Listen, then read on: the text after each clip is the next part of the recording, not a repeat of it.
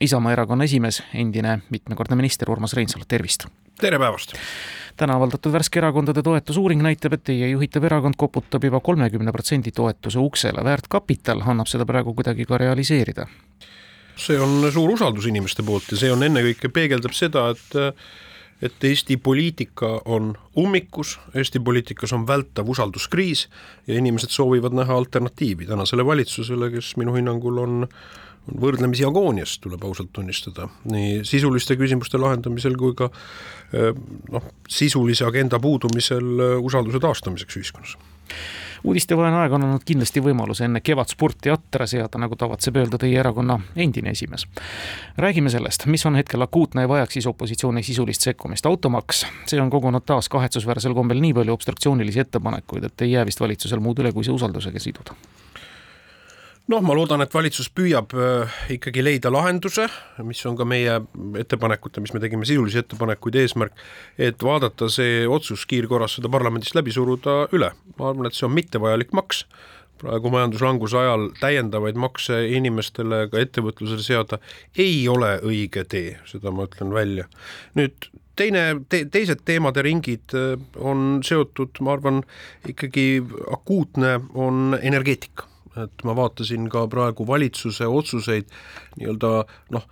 plahvatuslikult hakata korraldama taastuvenergia oksjoneid nii mere- kui maismaa äh, tuuleparkidega tegelikku energeetikaplaani valitsusel, mis tähendaks meie energia hinna konkurentsivõimet, mis tähendaks meie juhitavate võimsuste arendamist ja seda, et meil oleks Eestis energia tootmine selline, et mis tagaks ka noh, nii-öelda võrgu toimepidevuse, seda plaani kahjuks valitsusel ei ole, nagu on hinnanud ka Riigikontroll ja see teeb väga tõsiselt muret ja ma arvan, et kolmas teemade ring, mis on vägagi akuutne, on seotud sellega, et valitsusel puudub täna positiivne käsitlus, kuidas ettevõtlust, kuidas ühiskonda inspireerida majanduslanguse olukorras, kuidas seda positiivset energiat ja optimismi koondada. ja see on kahtlemata seotud ka selle üldise usaldusdefitsiidiga, milles valitsus asetab, asetseb ja see tähendab, et Isamaa õlul on vastutus äh, valitsust äh, survestada, pakkuda välja oma positiivseid lahendusi, et äh, see poliitika põhimõtteline korrektsioon valitsusel aset leiaks minu lugemist mööda vähemalt kaks, kui mitte kolm korda, Urmas, olete te vastavaid ettepanekuid teinud. ebanormaalselt käivitunud parlamendi töö ja menetlused muuta ja tuua mõistlikuks tagasi, kirjutanud, koostanud, kõnelenud. kaugele need jutud on jõudnud? kahjuks niisugust sisulist dialoogi platvormi äh, Äh, valitsus oma käsitlusega tekitada ei ole võimaldanud. ma lugesin ka seda, kuidas Reformierakonna peasekretär Suslov saatis partei liikmetele kirja, kus ta ütles, et me peame oma retoorikat muutma. minu meelest äh, on küsimus mitte retoorika muutmises, vaid poliitika muutmises seda ma näen, ei ole võimeline Reformierakond äh, tegema. Ja see on kehv, see, selle oma nahal peab Eesti ühiskond kinni maksma. ja meie asi on, on pakkuda seda alternatiivi. Ja nõnda, nagu te osutasite siin, et äh, ma olen neid ettepanekuid teinud, et see on ka mitte lihtsalt äh, kriitika kriitika pärast, vaid me oleme suutelised pakkuma välja positiivset programmi noh, põhisektorites, mis ühiskonnas vajavad noh, muutust või tähelepanu suunamist seniks, kuni neid küsimusi ja selliseid üldiseid aluseid tuleks muuta, on ju ka paar niisugust väga akuutset teemat, mis seonduvad Ukraina sõjaga. võtame ühe teema kohe käsile, mis kindlasti teie silmad säramad panevad. Venemaa külmutatud varade Ukraina käsutusse andmise seaduseelnõu. põhiseaduskomisjoni esimees rääkis eile, et arutelud ekspertidega on sügavad, tõsised õiguseksperdid sealhulgas. ometi kogub eelnõu taas muudatusettepanekuid, millel sisu pole küll, aga poliitilist tolmu ma arvan, et see on asjakohatu, et on, ma olen veendunud selles, et on teatud valdkonnad, mis peaksid olema rahvusliku konsensuse objektiks, sealhulgas ka kõik see meie pingutused, mida me saame teha siis Venemaa vastustamiseks ja Ukraina toetamiseks. ma loodan, et see seadus võetakse venitusteta parlamendis vastu sellel on ennekõike teisi riiki inspireeriv tähendus, sest seda noh, oligarhide või, või sanktsioneeritud isikute külmutatud vara Eestis noh, nii-öelda on noh, mõnekümne miljoni euro eest, aga see peaks looma just niisuguse noh, võimaluse akna ka teistele riikidele Eesti samme järgida Teie kui endise kahekordse välisministri käest on hea võimalus küsida Emmanuel Macroni väljaütlemine selle seos, et maaväed võiksid sekkuda sõtta Ukrainas, no see vallandas ikka päris korraliku tormi ja debati ja mõjus ikka vist päris korraliku heidutusena ka Venemaale, kellel tegelikult teisipidi ei ole seda sõnumit vaja, näitamaks oma rahvale, et neil on õigus selles narratiivis, et ollakse vastamisi NATO, mis asi see nüüd kokkuvõttes oli? Ma arvan, et see oli teatud retooriline võte Macroni poolt ja võib-olla ka selleks osati, et vältida äh, seda kriitikat, et äh, Prantsusmaa, kui me vaatame per capita sõjalist abi, mida ta Ukrainale on andnud, see on siiski ikkagi väga vähe, väga vähe, äh, lubamatult vähe. ja selle retoorika puhul ma ei ole kindel, kas ta mõjus nüüd Venemaale eraldi võetuna heidutavalt, kui lääneriikide äh, liidrid noh, erinevatest kantidest seda tõttasid ümber lükkama või, või, või eitama. tõsiasi on see, et Euroopa riigid või lääne kogukond tervikuna on teinud liiga hilja ja ebapiisavalt Ukraina toetamiseks. Ukraina, me mäletame, sõja esimestel päevadel kutsus üles lääneriike lennukeelutsooni oma siis õhuvõimekusega lääneriike seadma Ukraina taeva kaitseks, siis oli küll lääneriikide ühemõtteline vastus paraku, et äh, see ei ole mõeldav, kuna see tähendab otsest sekkumist äh, noh, siis nii-öelda sõja, sõtta no veebiväljaanne Poliitiku kirjutab, et Macron tahaks endale vägisi võtta suuremat rolli Ukraina toetajana, eestkõnelejana, no asuda piltlikult öeldes meie Kaja Kallase kingadesse, jah. kui talle tegelikult Prantsusmaa üldse seda lubaks ja tal seda mandaati on aga see on retoorika, et äh, ma arvan, et praegu õhk on paks, kui me vaatame ka Müncheni julgeolekukonverentsi järeldustest, sellest, mis puudutab nii-öelda retoorikas õiget juttu, aga küsimus on selles, et äh, tohutu defitsiit on tegudes. praegu on lääneriikidel, ma ütlen nõnda, sisuline paradigmaatiline kriis kuidas Ukraina toetamisega äh, selles sõjas edasi minna. seda uut raskuspunkti ei ole veel leitud ja see tähendab äh, väga keerulist olukorda Ukrainale, et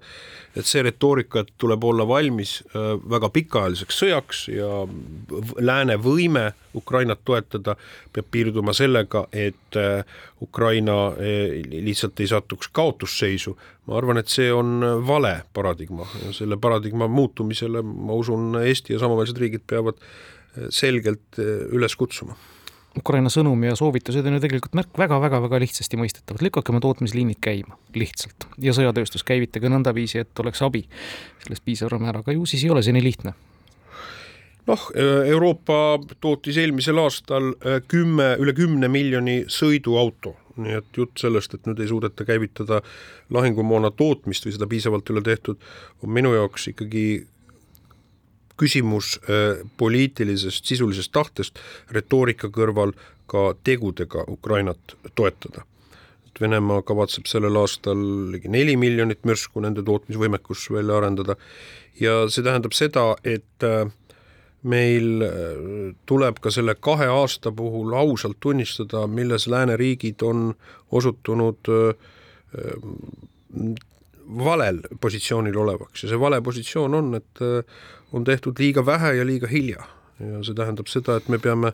seda ausalt, avameelselt ka välja ütlema, et aeg on uueks paradigmaks Ukraina toetamisel, nii et Ukraina sellel aastal õnnestuks saavutada sõjaline ülekaal tulles jutuajamise lõpetuseks tagasi koju, kas kõrvuti kevadega on tunda juba ka siis varasuve valimiste hingust kuklas tunda? seatakse samme kõigis erakondades, kõigi tegemistes, väljaütlemistes kindlasti, valimised on demokraatias alati. Ja ma usun, et need valimised äh, selle kõrval ja seda raamistavalt, mis on Euroopa poliitikas vajalik äh, mida toetada, mida korrigeerida põhimõttelistes äh, nii-öelda ristteel olevates küsimustes, mis, kus Eesti ühiskond peab noh, seda mõtestama, on minu meelest tulevad need valimised ka selgelt usaldushääletusena. Seda vist isegi peaminister on öelnud, et usaldushääletusena Reformierakonna juhitavale valitsusele ja minu veendumus on, et Eesti, Eestis meil äh, on vajalik anda selge signaal ja öelda, et see on kehva poliitikat ellu viiv valitsus ja tal ei oleks võimalust järgmisel päeval pärast valimisi raporteerida, et anti legitiimsus ka sisepoliitilise kursi jätkamisele, siis minu üleskutse on, et et inimesed peavad selle valiku tegema valimiskastide juures ka rahvahääletusena senise valitsuse poliitilise kursi suhtes ma ei tea küll, miks, aga millegipärast on just teie valimisnimekiri avalikkuse kõige suuremas huviorbiidis, eriti kui Jüri Ratas veel ka teie erakonnaga liitus. ja kuluaarides seda tõesti jälgitakse, milliseks on see joonistumas, ma mõtlen teie valimisnimekiri, esinumbrid, kuidas seal kombitakse?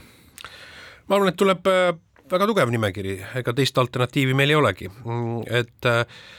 selles tiimis äh, saab olema uusi tegijaid, saab olema äh, vanu, ennast õigustanud äh, professionaalseid poliitikuid ja üle, ja noh, minu nägemus on selles, et see tiim, kes valimistele vastu läheb, peab olema selline, et ta on usaldusväärne ja kindlustunnet sisaldav nii Eesti poliitiliste valikute, aga ka Euroopa poliitika vaates. kes on usaldusisik number üks? Me, me paneme selle tiimi paika märtsi lõpul oma erakonna volikogus aga ma arvan, et äh, on kindlasti rida inimesi, kes on teinud väga tugevat tööd ja noh, siin ma mainin kindlasti ka ka kindral Riho Terrast, ainukene kindral Euroopa Parlamendis ja see annab talle juba, kuuludes ka Euroopa suurimasse poliitilisse perekonda, annab noh, tema sõnadele ka niisuguse kogemusest ja autoriteedist äh, tuleneva erikaalu. mis teie isiklik ambitsioon on? Minu isiklik ambitsioon on, et Isamaa mm, läheb neid valimisi võitma. See on äh, oluline mm, niisugune mm, äh, poliitiline signaal, ma arvan, ühiskonnas ka selles ummikseisus, kus Eesti on, edasiliikumiseks, aga ka selge noh, positsiooni kujundamises äh, Eesti sisepoliitikas, ma arvan, et on oluline, et Eesti inimestel lisaks sellele noh, gallupitele, uuringutele, mida me kõneleme, aga on võimalus oma häälega anda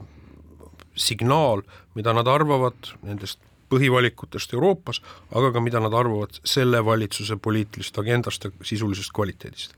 hästi palju kuuleme neist, kes ei taha Euroopa Parlamenti minna, kas te tahate Euroopa Parlamenti minna?